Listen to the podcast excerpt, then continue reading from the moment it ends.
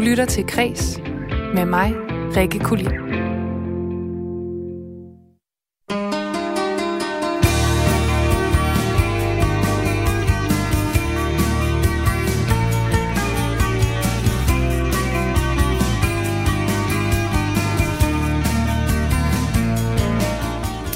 En uværdig præsidentdebat. TV2's dokumentar om partiernes skjulte overgreb og musicals i det kongelige teater.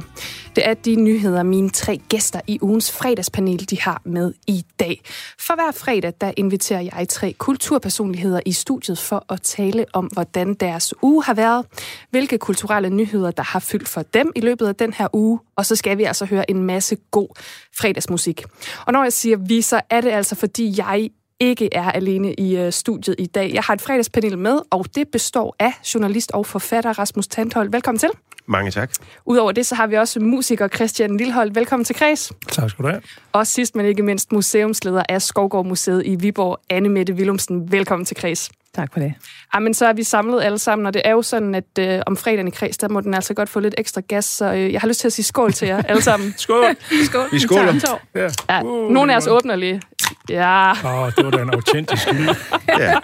Meget autentisk. Bedre end Coca-Cola-reklame. Man kan godt høre jeres bobler. Men der er ASMR her i øh, studiet, det er så dejligt. Mm. Prøv lige om lidt, så skal vi høre, hvordan jeres uge er gået, alle tre. Og uh, som sagt, så er der altså kulturnyheder på programmet. Men det er sådan, at uh, jeg selv vil starte med at spille et lille nummer til ligesom at sætte stemningen i gang. Og nu siger jeg noget helt ærligt. Der er uh, pressemøde om halvanden time, hvor der formentlig er en masse restriktioner. Ja. Men noget, jeg virkelig savner, det er altså at komme på dansegulvet. Og når jeg skal på dansegulvet, så skal jeg høre The Psychedelic First med Love My Way. Så det skal vi også i det her program nu. Rigtig hjertelig velkommen til Kres.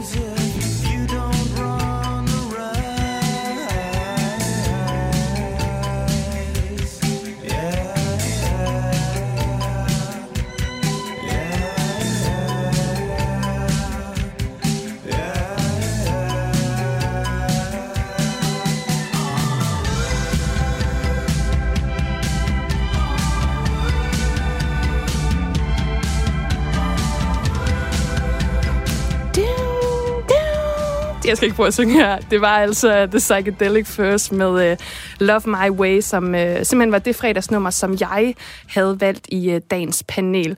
Og dagens panel, det består altså af journalist og forfatter Rasmus Tandholt, musiker Christian Lilholdt og museumsleder af Skovgård Museet i Viborg, Anne Mette Willumsen. Og kære panel, nu uh, kunne jeg godt tænke mig at høre, hvad det er for en uge, I har været igennem. Så lad os starte med dig, Rasmus Tandholt. Hvad er der sket for dig den her uge?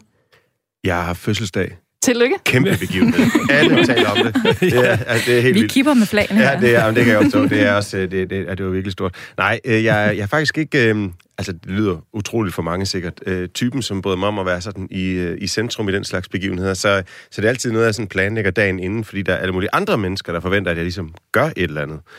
Øh, og øh, ja, så det var, det var, det var super hyggeligt, for så er jeg jo sammen med de mennesker, jeg elsker allermest. Øh, og øh, så jeg var ude at spise. En af gaverne var, at jeg var på Noma. Uh, var det Og- første gang? Det er anden gang, men øh, første gang, jeg var på Noma, der var Noma ikke særlig kendt, og ikke en hverken Michelin-restaurant eller nummer et øh, på Pellegrinos liste og alt det her. Øh, Så, øh, så det var sådan øh, meget anderledes, end det var nu, øh, må jeg sige. Øh, men øh, det var en meget stor oplevelse. Det var en gave fra min kæreste, Natasha.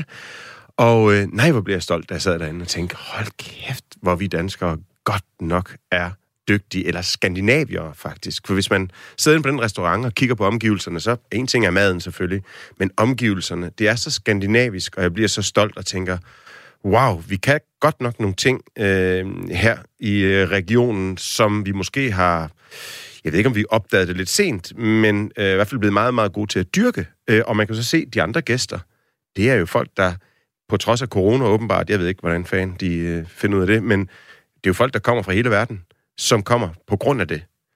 Øh, og det er jo et stykke kultur, øh, synes jeg, som øh, vi kan virkelig være stolte af. Jamen, øh, jeg har faktisk aldrig selv været der. Er der nogen af jer to andre, der nogensinde har været på Noma? Jeg har kun fået kaffe og kage der engang, også inden det blev berømt og Michelin-premieret. Hvad ved jeg? Jamen, så er det øh, 100% mere end mig. jeg har ikke været der. Ej, men det er jo, ja, altså, det er jo noget, der har fyldt, fyldt meget de seneste år, som du siger, Rasmus. Øh, New Nordic, The New Nordic uh, Kitchen her. Altså, vi kan godt snakke om mad øh, i lang tid i det her program, men Ja. jeg vil faktisk også godt lige høre, øh, i forhold til din nye bog, som du er aktuel med lige nu, øh, nemlig det, vi så, som jo, jeg tænker måske ikke, den har fyldt så meget for dig i den her uge, det er et stykke tid siden, den udkom, men efter, hvad siger man sådan noget, efter skældet på den, er, har, der, har der været noget der? Altså sådan, hvor er du lige nu? Øhm, ja, altså, jeg synes, at det har været rigtig øh, sjovt at udgive sådan en bog, som jo er en bog, jeg har udgivet sammen med min fotograf. Fordi når jeg rejser rundt i verden, så er det jo typisk øh, mig, der får opmærksomheden. Det er mig, der får øh, roserne. Det er også mig, der får skælduden. Men øh, jeg er jo et hold sammen med øh, Anders Bak, øh, som har rejst med mig i 14 år.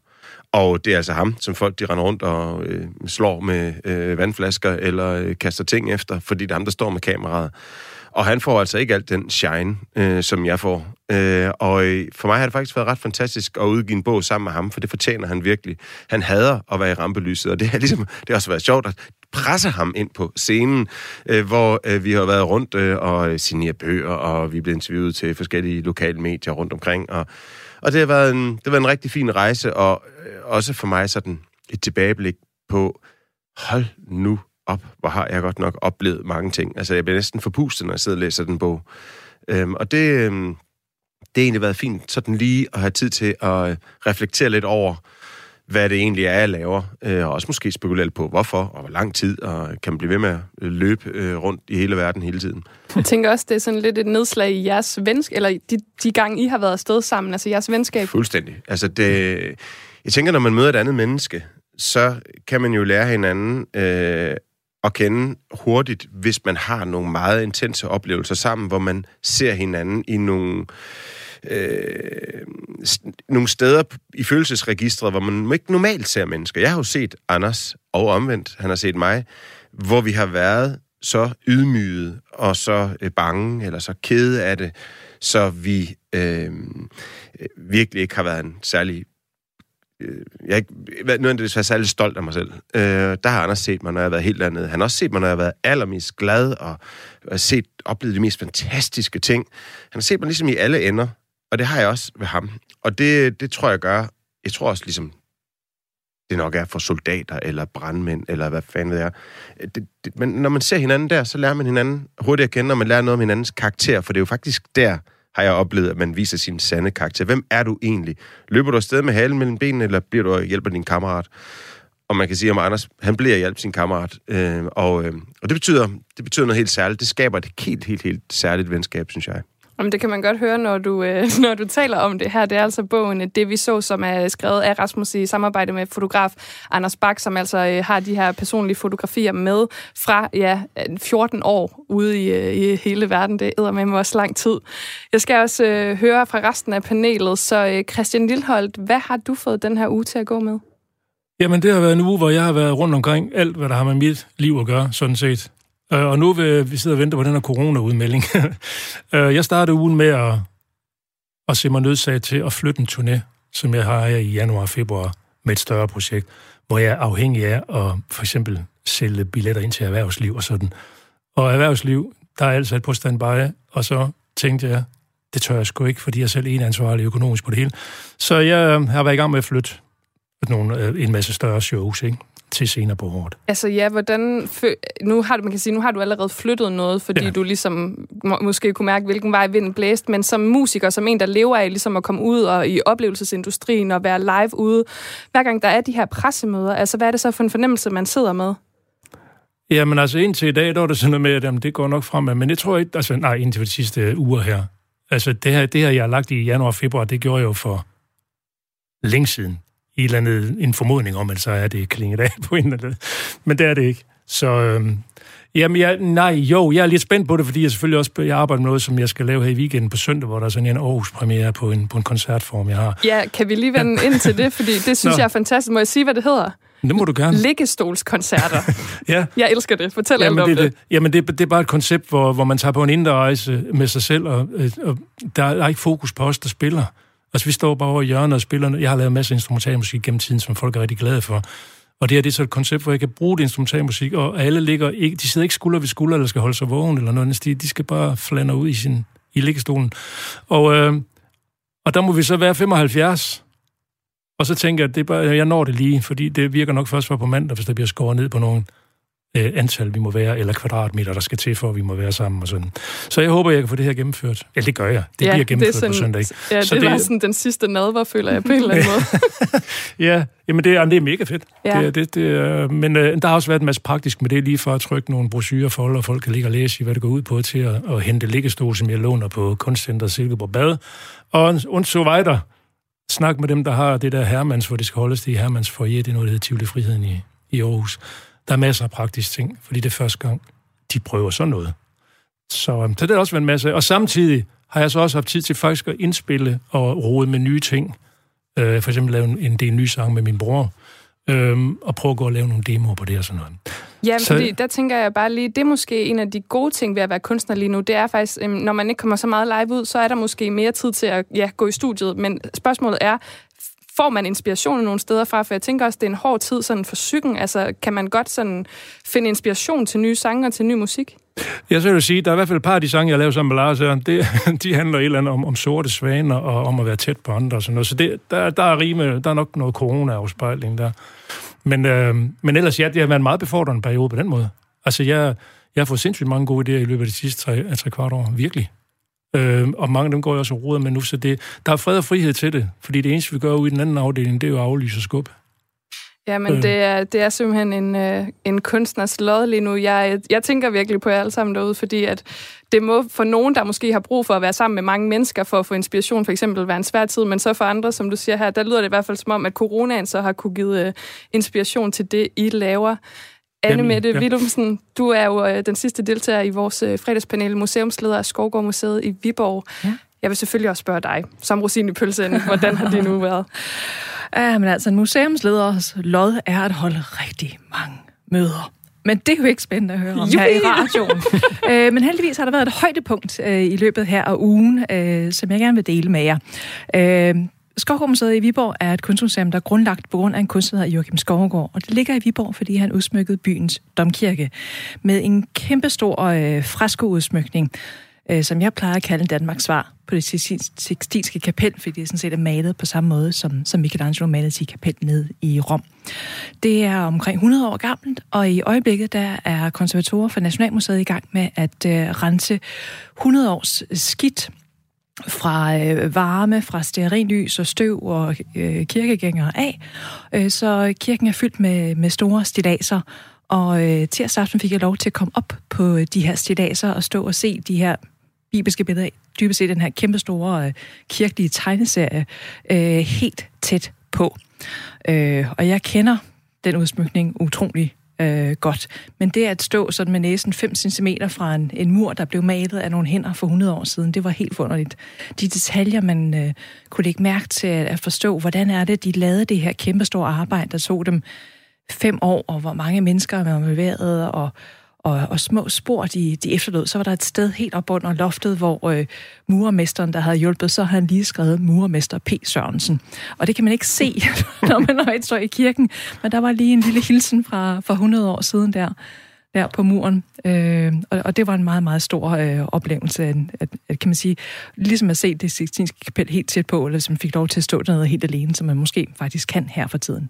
Ja, det er også, altså nu nævner du det her med, at som øh, direktør, så er der rimelig mange møder. Det er meget sådan en modsætning til det, tænker jeg også, at få ja. lov til så at kravle op i loftet og kigge. det er ikke for at holde møder, jeg blev museumsleder, jeg blev kunsthistoriker, men det er netop for at få oplevelser som at stå med næsen i, et, i, øh, i, en, en, en fresko, og på en eller anden måde få lov til at kigge kunstnerne over skulderen øh, og, og rejse 100 år tilbage i tiden, ja. og se, hvordan de arbejdede. Og er det rigtigt forstået, at der så skal oprettes et museum for Joachim Skovgaard? Nej, det er det, vi er sådan set. Okay. Og, men vi er så ikke et Joachim Skovgaard Museum, men et Skovgaard Museum, fordi Joachim Skovgaards far var en meget berømt uh, landskabsmaler i guldalderen.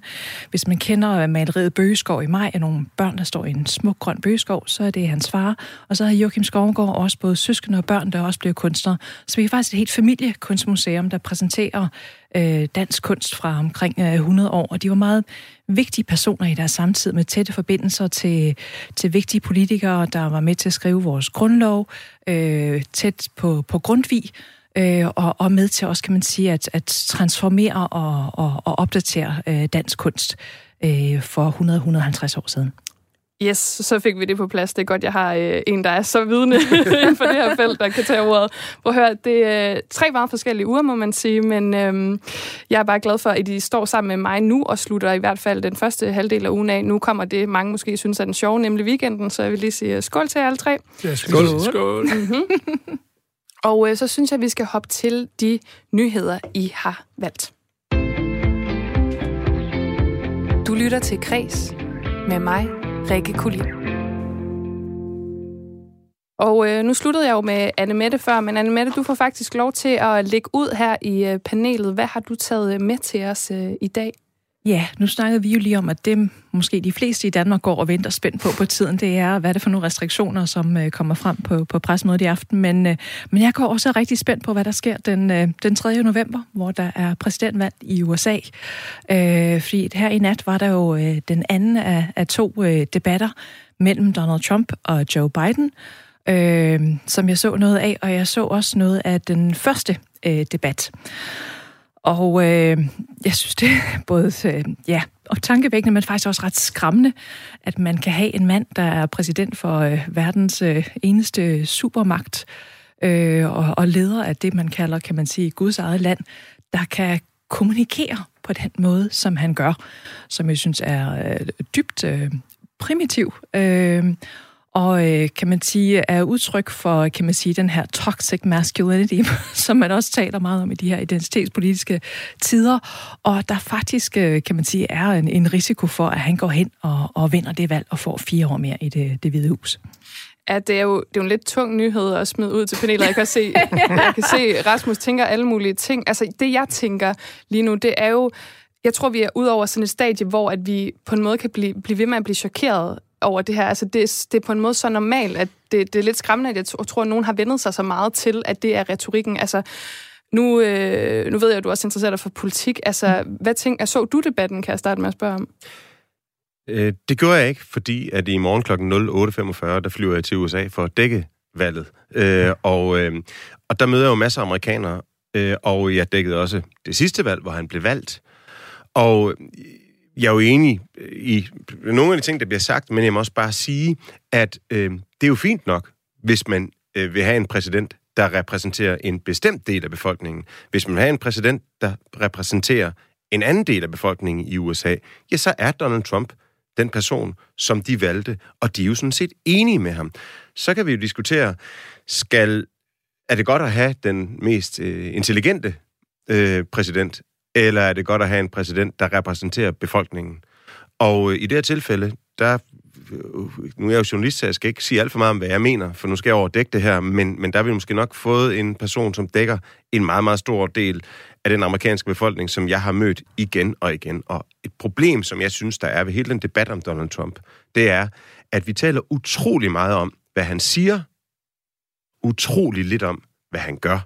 For hvis du kigger på, hvad han har gjort, så må jeg bare sige, at jeg rejser rundt i en verden, hvor at Donald Trump i hvert fald har gjort nogle mere radikale øh, ting, end Obama gjorde. Altså for eksempel, da Obama sagde, prøv at høre, Bashar al-Assad fra Syrien, hvis du bruger kemiske våben, så bomber jeg dig. Hvis du overskrider den røde linje, så bomber jeg dig. Så overskred han den røde linje, men der skete ingenting. Trump sagde det samme, og han gjorde det. Trump han har trukket styrker ud af Mellemøsten. Øh, han har gjort nogle radikale ting, flyttet øh, øh, en amerikanske ambassade fra, øh, fra Tel Aviv til Jerusalem. Han har gjort nogle markante ting, det kan man være enig i eller uenig i, men han har i hvert fald gjort noget. Og, og der må man bare sige, jeg synes, nogle gange vi bruger utrolig meget tid på at tale om, øh, hvad han siger, meget lidt om, hvad han gør. Vi kan lige vende tilbage til den her diskussion mellem øh, handling og så øh, retorik, men øh, Christian Lillehold, som musiker, så dækker du jo ikke valg for, øh, for store tv-kanaler, så vidt jeg ved i hvert fald. Så nu må, kan du jo komme sådan helt fra hjertet af. Altså, hvad tænker du om det her? Hvad, hvad er din holdning? Jamen, jeg tror, den er det. Vi stod faktisk lige og snakkede om det, inden vi mm. gik herind. Øh, øh, og det er, at øh, jamen et eller andet sted, så er han jo blevet valgt. Det vil sige, at han repræsenterer en stor del af den amerikanske befolkning. Og så må vi bare konstatere, at de er enige med ham, som, også, som Rasmus siger. Og, øh, og samtidig har jeg også den der med, da jeg så den der første debat for nogle uger siden, når den nu var, jamen jeg, jeg grammes. Altså jeg havde sådan lidt, jeg synes, det var så uværdigt, at, at, øh, at, at det foregik på det niveau, det gjorde. Altså det var som at være på bodega på Vesterbro, når de er halvfulde. Altså sviner hinanden til at afbryde og alt. Jamen, øh, men, øh, men jeg kan ikke sige andet end, at nej, men det er jo et land, der har valgt ham. Så, og det der med, ja, vi lægger selvfølgelig mærke på den måde, han opfører sig på, det hans retorik og sådan noget. Det er jo klart, det er det, vi ser, det er det, vi hører. Og den, den er meget, meget fremmed og den er jo vildt fremmed fra Obama, som jo var en meget, meget på den måde øh, øh, velfungerende mand, kan man sige. Ikke? Men derfor kan Rasmus da godt have ret i, at det, jeg ved jo ikke så meget om, hvad fanden der egentlig er sket ude i verden. Hvad han egentlig har fået gennemført, eller fået afbrudt, eller hvad et eller andet. Så, der, så, så jeg kan sagtens forestille mig, at han er mere en handlingsmand på den måde, fordi han også er mere rabiat. Han gør det sgu bare. Altså et eller andet sted. Ja. Så det vil også kaste nogle konsekvenser af sig. Øh, men det eneste, jeg egentlig vil sige ganske kort, det er, at han må have halvdelen af befolkningen bag sig i hvert fald. Ikke? Så, så det fortæller også lige så meget om Amerika. I hvert fald er dem, der får mulighed og adgang til at stemme og ja, gå ned ja, og stemmer, ja, kan man sige. Ja. Men hvis vi så kigger på det her, altså man kan sige, jeg står jo her som vært for et kulturprogram, og mange vil tit kalde kulturprogrammer for lidt sådan, hvad kan man sige, blødere programmer. Men noget, der sådan falder mig i øjnene og ørerne, når vi kommer til hele den her snak om debatkultur, hvad det er, de står og siger på scenen, det er jo, hvad det ligesom fører med sig altså i, hos politikere og resten af verden, og måden vi taler til folk på og om folk på.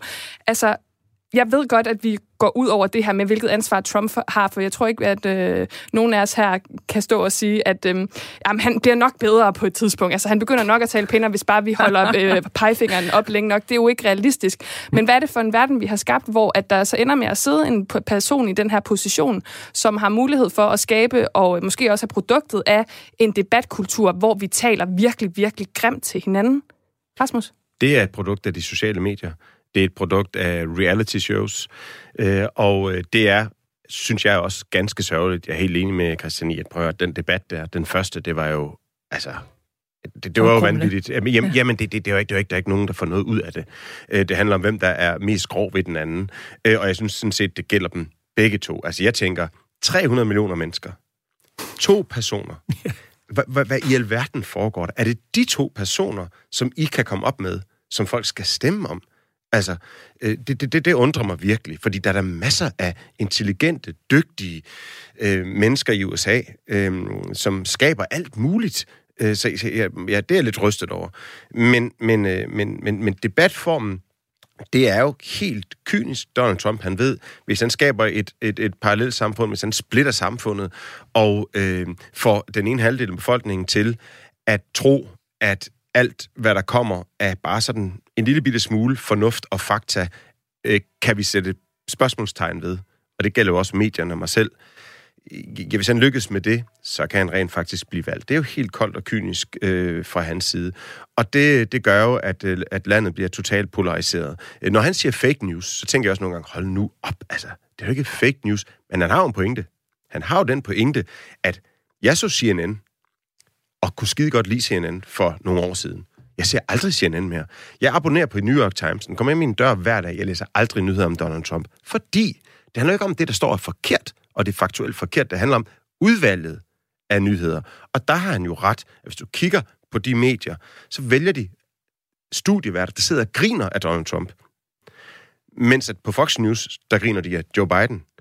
Og det har jo gjort, at der er kommet et mediebillede, hvor han godt kan tillade sig at sige, prøv I skal ikke følge de der medier der, for de kan ikke lide mig. Og det har han jo ret i. Det er det, der er fake news. Det er ikke det faktuelle. Så han har held med noget af det, men, øh, men jeg, er, ja, jeg, jeg er ærgerlig over, at det er sådan. Hvad tænker I to mm. andre om det her? Det er jo, altså, vi står også en, der er vant til at lave skarpe analyser her. Hvad, hvad tænker I?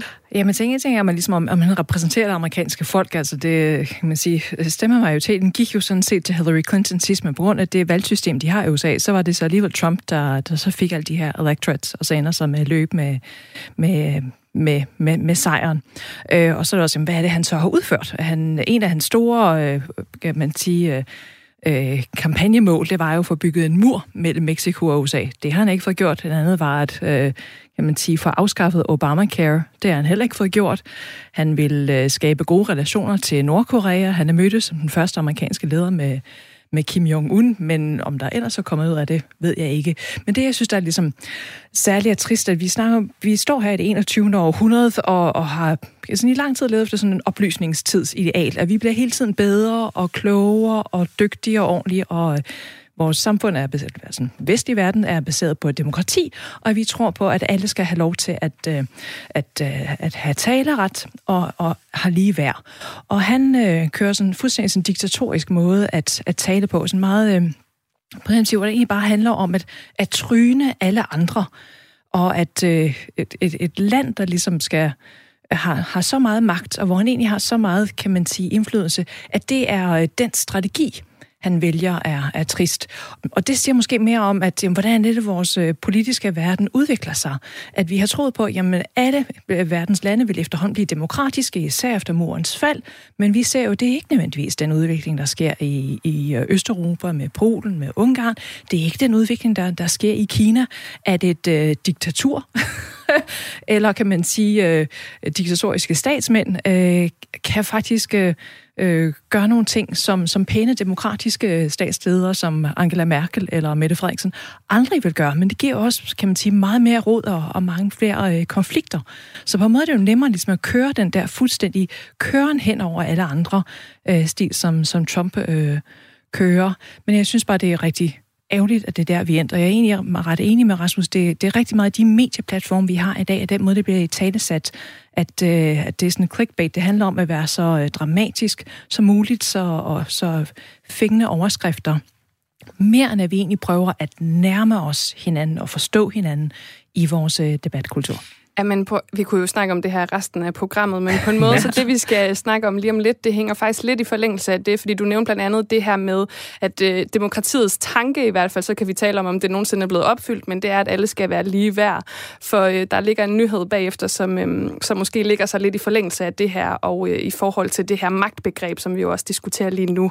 Men, Anne Mette, du har jo også taget et nummer med, og øh, det er jo noget af en sang, vi skal høre nu. Vil du ikke øh, præsentere den ja. for panelet? Altså, øh, vi, vi taler meget om debatkultur og magt, og, og der er nogle mægtige mænd, mænd, der er faldet her de sidste uges tid fra deres høje politiske tinder. Øh, men kan man sige, Donald Trump har jo opført sig og sagt ting, der var meget værre. Han blev jo berømt under sidste valgkamp på at øh, sige om kvinder, at, at han øh, godt kan lide at grab them by the pussy.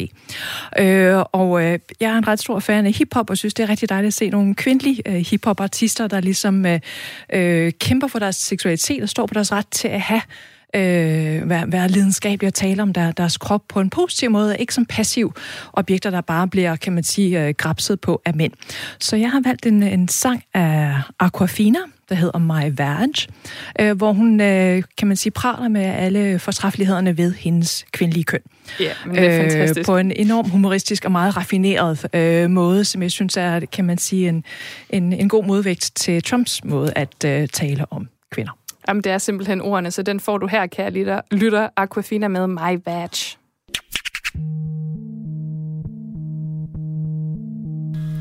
My veg, like an operatic ballad. Yo, veg, like grandpa's cabbage. And my veg, effortless. Yo, veg, post ads on Craigslist. My veg, score aloe vera. Yo, veg, look like Tony Danza. My veg, like tasting heaven. Yo, veg, manages a 7-Eleven. Yo, my veg, make your girl panties cream. Yo, veg, spreads hepatitis C.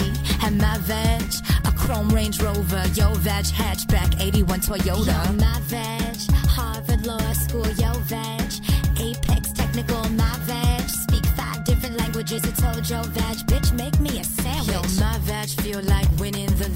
Yo, shit got turned down from eHarmony. My veg, one best veg. Yo, veg, one best supporting veg. Yo. It's time yeah, that we let the world know.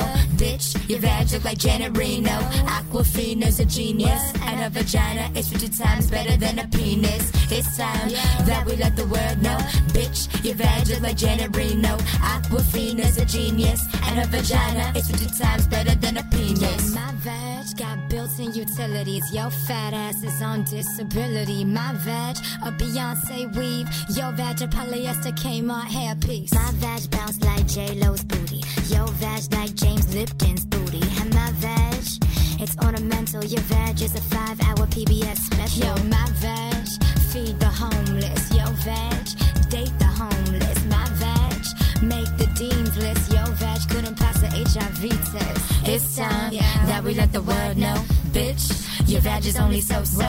Aquafina's a genius, and her vagina is 50 times better than a penis. It's time that we let the world know, bitch. Your vag is only so-so. Aquafina's a genius, and her vagina is 50 times better than a penis. Yo, my vag is Godfather 1, and your vag is Godfather 3. And my vag got a big ass gun. Your vag is like pineapple cottage cheese. Yo, my vag got 12 inch gold wheels, and yo vag got bird poop on a windshield. Frightening like Serena Williams. Yeah, it's time that we let the world know, bitch. Your vag look like Janet Reno. Aquafina's a genius, and a vagina is 50 times better than a penis. It's time that we let the world know, bitch. Your vag look like Janet Reno. Aquafina's a genius, and a vagina is 50 times better than a penis.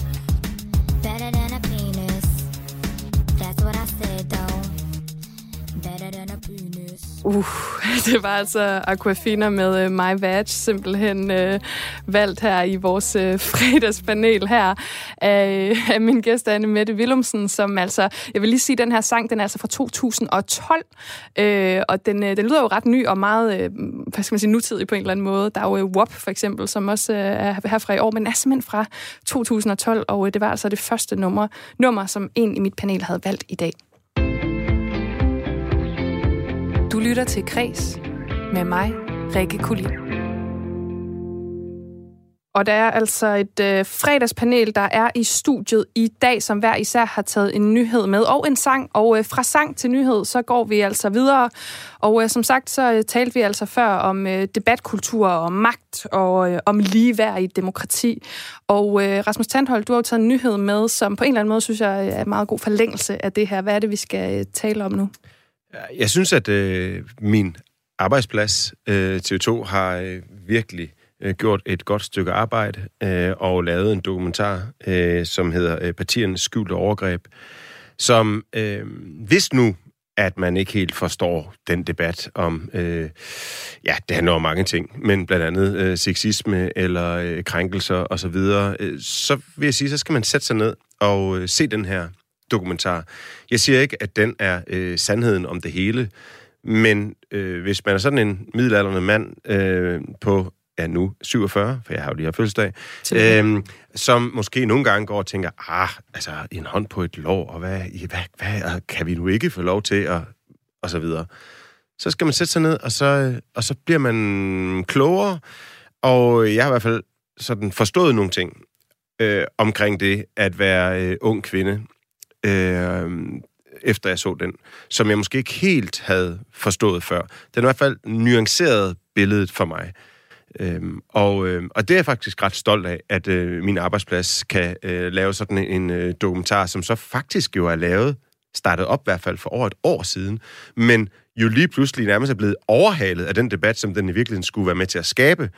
Øh, og øh, jeg kunne se, at den har fået virkelig flotte anmeldelser i både Berlingske Tidene og øh, Politikken.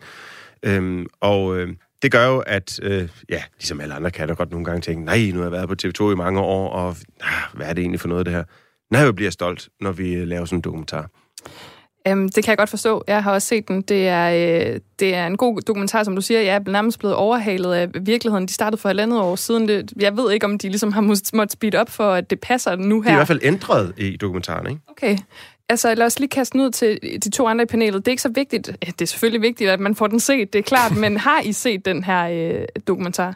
Nej. Jeg har ikke, nej. nej. Okay, så vi er to mod to her. Nej, det skal ikke blive en, øh, en fodboldkamp på den måde. Men altså, det her, det sker jo nu, og den, den her dokumentar, som vi, vi taler om, den er jo faktisk på en måde blevet overhalet af virkeligheden.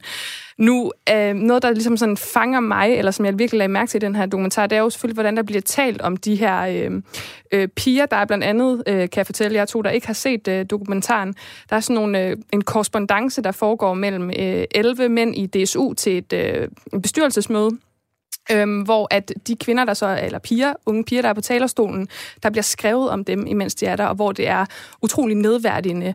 Og altså, ja, det sætter selvfølgelig mange tanker hos en, der, der kommer fra det køn, men jeg tænker også, altså, hvad nu nævnte du det selv før, Rasmus, det der med at være en midalderne mand, siger godsøjne, og sådan ikke rigtig kunne tage det her seriøst. Altså, hvordan kan det være, at det er det her, der skal til, før vi sådan tror på og lytter til unge piger? Altså, hvorfor er det, at de ikke er noget værd, før der sker sådan noget som det her? Det er det bestemt også, men jeg tror, øh, i og med, at jeg jo er et andet køn, og hvis du sådan kigger sådan helt, øh, hvad kan sige, øh, uragtigt på det, så er jeg stærkere end dig formentlig. Øh, jeg har større muskler, øh, og sådan er jeg bygget. Det vil sige, at jeg jo sådan på forhånd har noget magt. Og spørgsmålet er jo så, øh, hvordan vi gennem tiden har brugt den magt. Den har øh, mænd helt sikkert brugt enormt meget. Men i og med, at, vores, at vi lever i et samfund i Danmark, hvor at øh, det bliver mindre og mindre øh, vigtigt for, hvem du er, og hvor meget magt du har, og dit intellekt bliver mere vigtigt, så, så kommer der også et opgør med det her. For det er jo der, det hele stammer fra, hvis du spørger mig. Øh, og, øh, og der må man bare sige, at som mand kan jeg jo måske godt have svært med at, ved at sætte mig i dit sted, og måske er vokset op med, at ja, der er faktisk øh, et andet køn her, der er stærkere end mig. Jeg er vant til, at jeg er den stærkeste. Jeg er stærkere end alle dyr, og jeg er stærkere end kvinder, rent fysisk.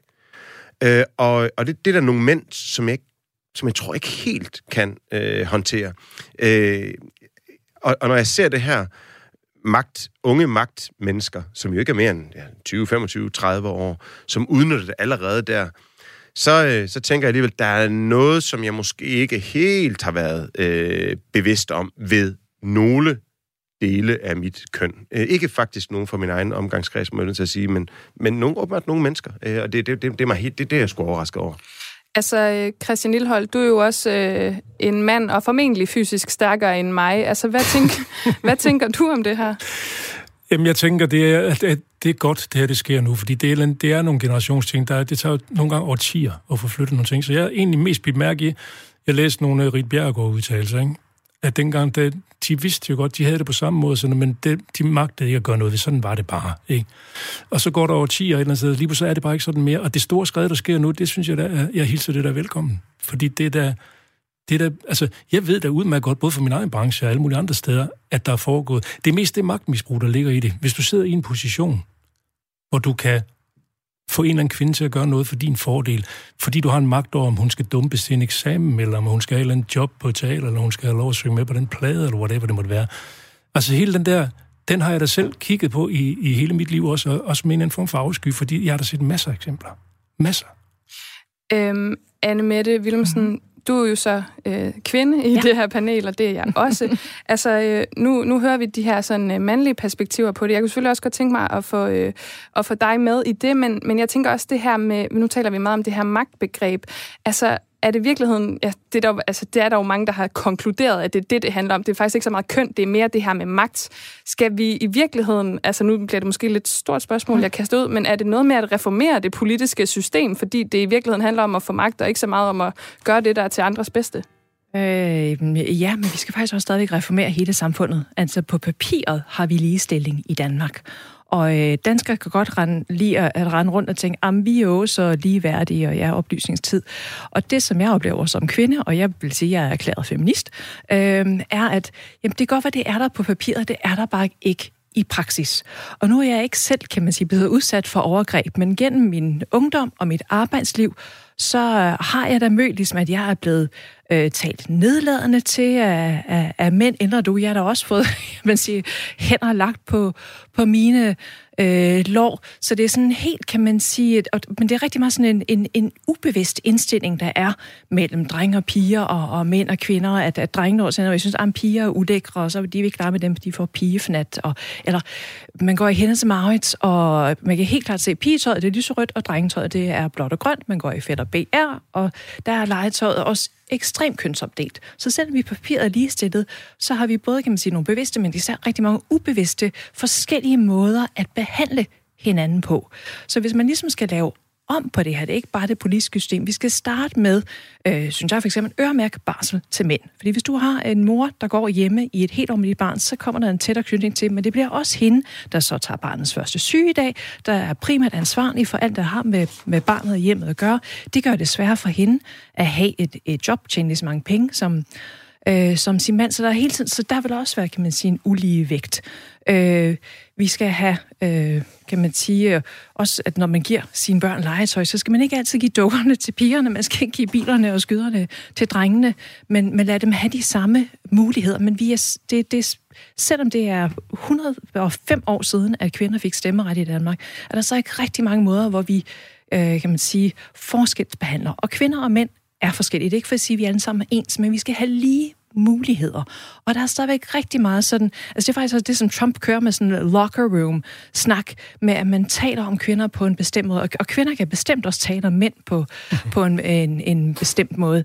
Øh, men jeg synes, jeg har igen ligesom en appel til, vi skal have respekt for hinanden, og, øh, og, og magt er en rigtig stor del af det, men der er også rigtig mange sådan ubevidste sådan, øh, kønsmæssige strukturer, som øh, jeg tror, vi, vi, vi er slet ikke klar over, og vi rent faktisk praktiserer, når vi øh, er sammen med, med hinanden. Nej, altså, der er jo rigtig meget at tage fat i igen her. Altså, vi, igen, en time er slet ikke nok, fordi du nævner både det her med at reproducere stereotyper, som måske er blevet gjort gennem mange år, men Øh, og det er måske et sted, man skal tage fat, men I nævnte også bare lige, eller jeg hørte sådan lidt fra hver øh, især, der er også noget generations altså, kamp i det her, fordi i modsætning til tidligere, øh, Christian, du nævnte, at Rit Bjergård, det at man i sin tid tog opgør som feminister i, øh, i 70'erne, 80'erne og så videre, Danmark, der, øh, der kom man ligesom ikke til det punkt, hvor man så altså fik sagt fra til de mænd på den måde, og det er mm. måske i virkeligheden der, vi er nu, at den yngre generation, altså vi formår også at komme det skridt videre. Jeg ved ikke, hvad I tænker om det. Jamen, det er, lige, det er jo det, der er fedt. Altså det er det, man kan mærke, at nu sker det. Så nogle gange så kan man mærke, at nu sker, nu sker det. Ja. Nu sker der et skred af en eller anden slags. Ikke? Og det kan jeg mærke, det gør det altså nu med det her. Fordi jeg tror ikke, den nye generation, der er 20-30 år gammel, på den måde, det kan godt være, at nu har vi lige set et eller andet. Jeg så faktisk det klip der, hvor de sad og, og sendte beskeder til hinanden. Ja, det beviste en af nyhedsudsendelse, tror jeg.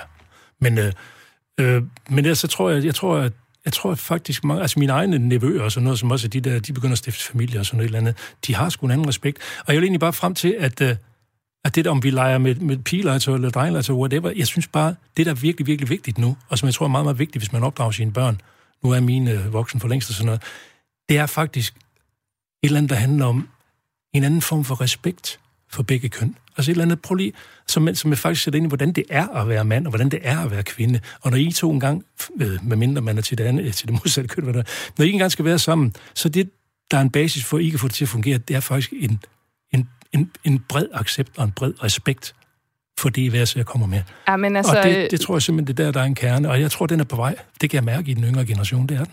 Jeg, øh, jeg håber det, og jeg tror også, at øh, ja, der er rigtig, rigtig meget arbejde stadig at gøre, men det kan vi jo diskutere næste gang, I kommer med i fredagspanelet alle tre, fordi Gerne.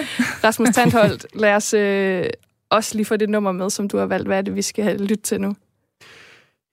Altså, da du øh, spurgte mig, ikke, så vil jeg jo øh, gerne indrømme her, at jeg tænkte, nej, nej, nej, nej, det har jeg slet ikke fundet ud af endnu, og det kan jeg jo ikke. Øh, så, så jeg tænkte, jeg tog et... Øh, jeg kørte den sikre.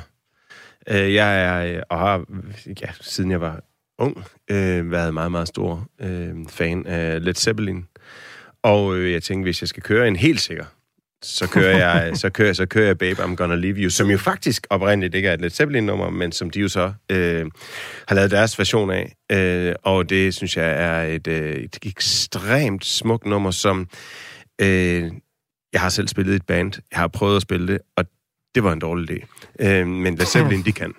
Led Zeppelin, de kan, og øh, den får I altså her, Babe, I'm Gonna Leave You.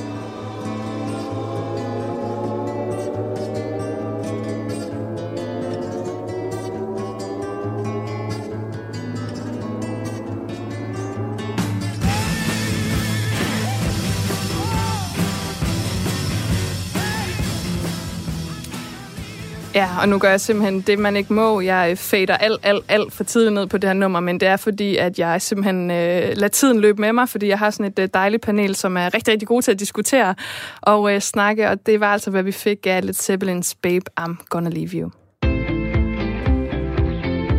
Du lytter til Kres med mig, Rikke Kulin. Og med mig i studiet, der har jeg Rasmus Tandholt, Anne Mette Willumsen og Christian Lilholdt. Og Christian, vi slutter jo af med din nyhed, som er øhm, en lidt anden boldgade end de to andres, men alligevel noget, som øh, i hvert fald har optaget mig den her uge. Så vil du ikke øh, præsentere, hvad du har taget med? Jo, jo, men vi har for lidt tid til det her. Har- Fordi jeg er sådan en, der enormt gerne vil... Jeg kommer, vil sidde og komme i tanke om ting, vi er så langsom. Så jeg har skrevet en hel masse ting til de andres indlæg allerede. Det er bare, hvorfor fanden?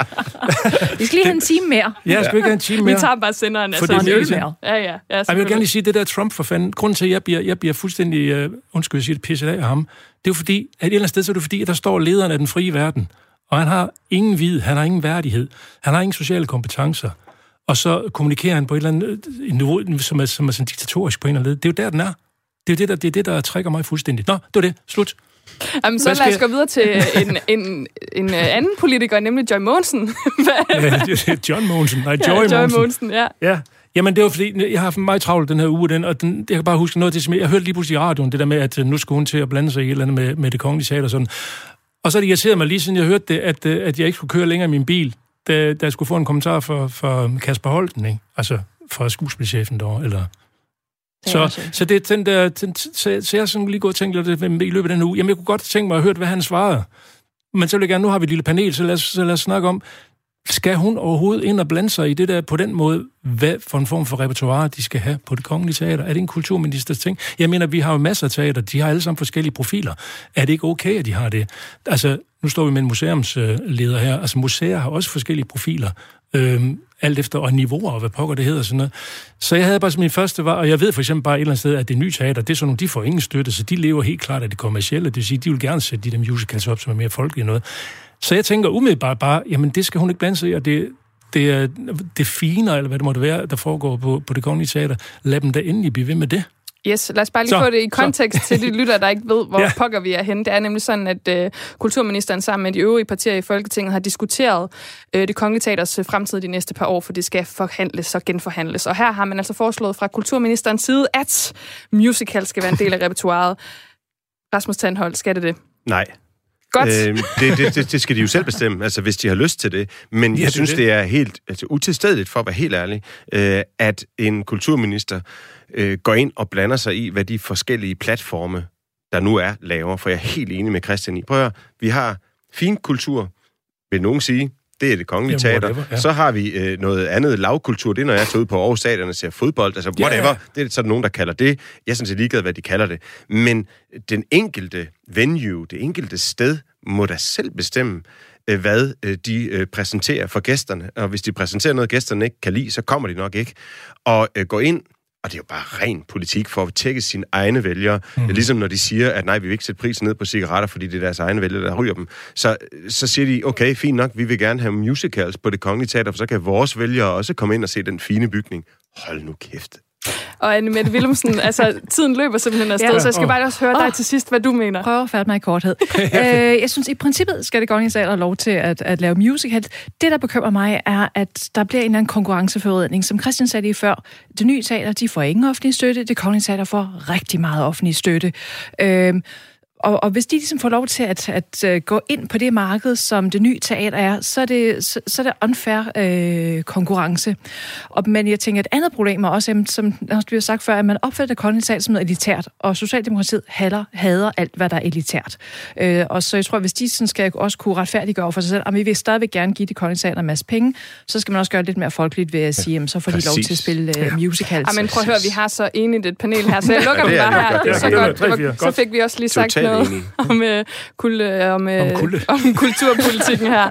Prøv at høre, til sidst så skal vi jo slutte af med et nummer, og Christian Lillehold, det er jo dig, der har valgt det, og øh, det er noget, der ligger der nært, så vil du ikke præsentere lynkort for os, hvad er det, Jamen, vi skal altså, lytte til nu? I Love Me, mere Monitor. Ja, det er fordi, at det, det, det, det, det projekt, jeg har siddet udskudt, det, det, som jeg ikke kommer til at opføre her i, i februar, om, eller januar-februar. Det er et stort sådan et tværkunstnerisk portræt af Danmark, som jeg lavet sammen med en billedkunstner og en filmmager. Øhm, og så tænker jeg, det er da piv aktuelt at høre et stykke af det musik, fordi det er sådan noget, der aldrig, aldrig bliver spillet i radio. Og det er måned for måned et portræt af Danmark, det vi har lavet i de der flere kunstformer. Og så er vi i oktober måned, synes jeg bare, at vi skal høre det oktoberstykke musik. Jamen, øh, det er ordene her. Jeg vil sige tak til mit panel, Rasmus Tandhold, Christian Lillehold og Anne Mette Willumsen. Tak, fordi I var med. Selv tak. Og så er jeg altså tilbage igen i næste uge. Du skal blive hængende her på Radio 4, for om lidt er der studiestræde med Christoffer Lind. Tak for nu, og her får du oktober guld.